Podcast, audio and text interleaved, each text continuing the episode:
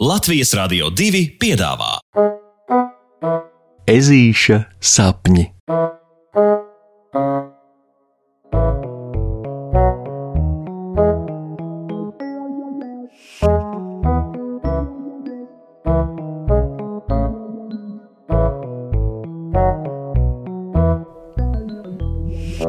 Ezītis un panda.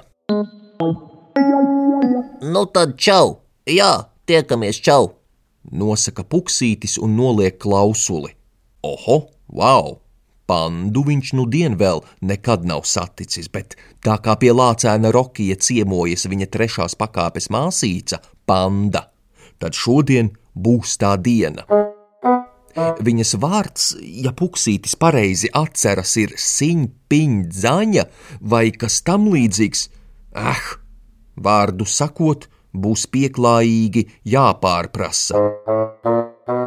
Vispār Rokijs bija ļoti satraucies, un no Rokija liekas tas satraukums pielipa arī puksītim. Lācēns piekodināja trīs lietas, kuras noteikti jāatceras runājot ar pandām. Pirmkārt, viņas arī ir lāči, tikai nevis balti, melni vai brūni, bet melnbalti plankumaini. Tāpēc tā kā ar zebrām runājot par kažoka krāsu ir jābūt ļoti smalkjūtīgam, lai viņu neapvainotu, jo tieši tāpat kā ar zebrām jautājums par to, vai viņas ir baltas ar melniem vai melnas ar baltiem plankumiem, joprojām nav atrisināts. Otrakārt, jāņem vērā, ka pandas no dabas ir eh, diezgan lēnas. Tāpēc, ja panda sarunas vidū pēkšņi apklust un aizsapņojas, vai vispār piemirst, par ko jūs tikko runājāt, tad to noteikti nevajag ņemt pie sirds. Tā vienkārši ir, teiksim tā, pandu dabiskā daba. Un treškārt, pandas ir lielas bambusu kārumnieces. Bambus ir tāds dīvains salds, tālzemju koks ar caurumu vidū, ko tā salduma dēļ ļoti patīk našķēt pandām. Tāpēc, ja jūs sēžat restorānā ar pandu un viņa pēkšņi sāk košļāt sulas sūcam salmiņu, nebrīnieties. Tas noteikti ir no bambusa, un jūsu sarunu biedrs nav sajucis prātā. Tātad, huh! Uztraukumu pie malas. Mūsu ežulis nolicis telefona klausuli un iemetis pa ceļam mutē vēl dažus zirņu plācenīšus, ko mamma tik gardi prot pagatavot, izlēkšu no mājas un dodas uz norunāto tikšanās vietu. Tikšanās vieta ir kafejnīca pie glumā ūdra. Nu, ziniet, otra puse slavenajām trim priedēm pāri ceļam. jā, jā, tām pašām trim priedēm kurās ik pa laikam kāds zvērs pavisam apmaldās. Neviens līdz šai baltai dienai tā arī nav varējis saprast, kā pie skaidra prāta var apmaldīties trīs priedēs, bet fakts paliek fakts.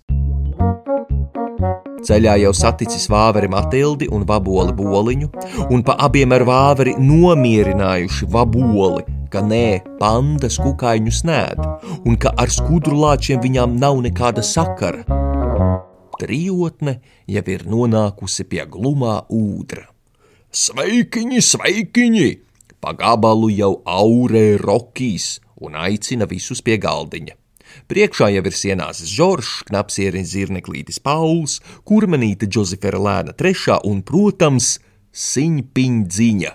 Ah, ja ežulis pareizi atceras. Uh, nu tā, Man liekas, mēs esam visi. Nu tad ļaujiet man jūs iepazīstināt ar manu trešās pakāpes māsīcu, pandu dziņpiņu saņu. Rūpīgs kā tāds īsts paraugbrālēns ir Rokijs. Vai dieniņ! Dziņpiņa saņa, nevis siņpiņa dziņa. Uh, goda vārds tie tālzemju vārdi, vismaz ežuļa galvai, ir gatavais smadzeņu mežģis, bet nu pieklājība prasa savu, tāpēc viņš atcerēsies. Tā visiem draudzīgi tērzējot un norunājot pēc panašķēšanās pie glumā ūdra, uztaisīt kopīgu iepazīšanās ekskursiju pandai par godu pa meleņu ieplaku. Draugi, protams! Netīšām uzsākt diskusiju par kažoka krāsām. Tikai tad atminot, ka pandām tā taču ir jūtīga tēma, bet Kā vienmēr, izrādās, ka tas vēls nemaz nav tik mēls, kā to mālē, gluži otrādi.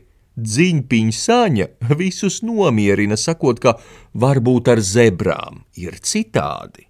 Bet pandas esot pārāk labsirdīgas, lai ņemtu pie sirds kaut kādas kažoka krāsu domstarpības. No to uzzinot, visi jau mazliet atbrīvojas. Tāpēc tas, ka tālākajā sarunas gaitā Rokija māsīca dažas reizes pamatīgi aizsapņojas un aizmirst, par ko un ar ko runāja, vai vispār to, ka ciemojas meleņu ieplakā, tas jau vairs nevienu neuztrauc.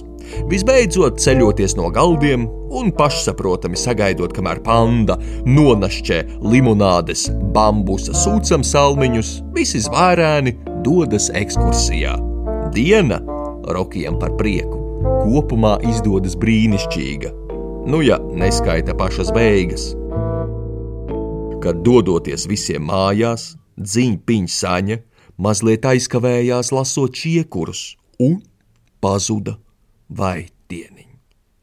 Pēc pamatīgas izmeklēšanās labi, ka puksītim radās doma pameklēt arī slavenajās trīs priedēs un Protams, ka tur panda arī bija. Laiski atspiedusies pret vienu no priedēm, pilnu klēpi salasīto čiekuru un sapņu pilnām acīm. Bet, kad satrauktais Rokijs sāka pārdzīvot, ka ak, kungs pirmajā ciemošanās dienā meleņu ieplakā gandrīz pazaudēja savu radinieku, tad panda tikai pasmaidīja un teica: Viss, viss, viss labs, kas labi beidzas, ka viņa nemaz nesot sabijusies, jo zināja, ka brālēns Rokijs viņu noteikti atradīs un viss būs kārtībā. Un tā vispār esot tāda sena pandu gudrība, kad gadās kāda ķibele, lieki nesatraukties un vienkārši atcerēties teicienu, ka viss, kas notiek, notiek uz labu. Viss, kas notiek, notiek uz labu. Jauks teiciens, domā puksītis, jau krēslē metoties tipinot mājās.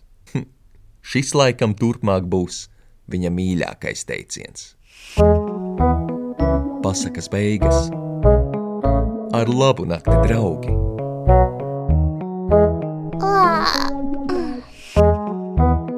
Saldus tev sapnīšus!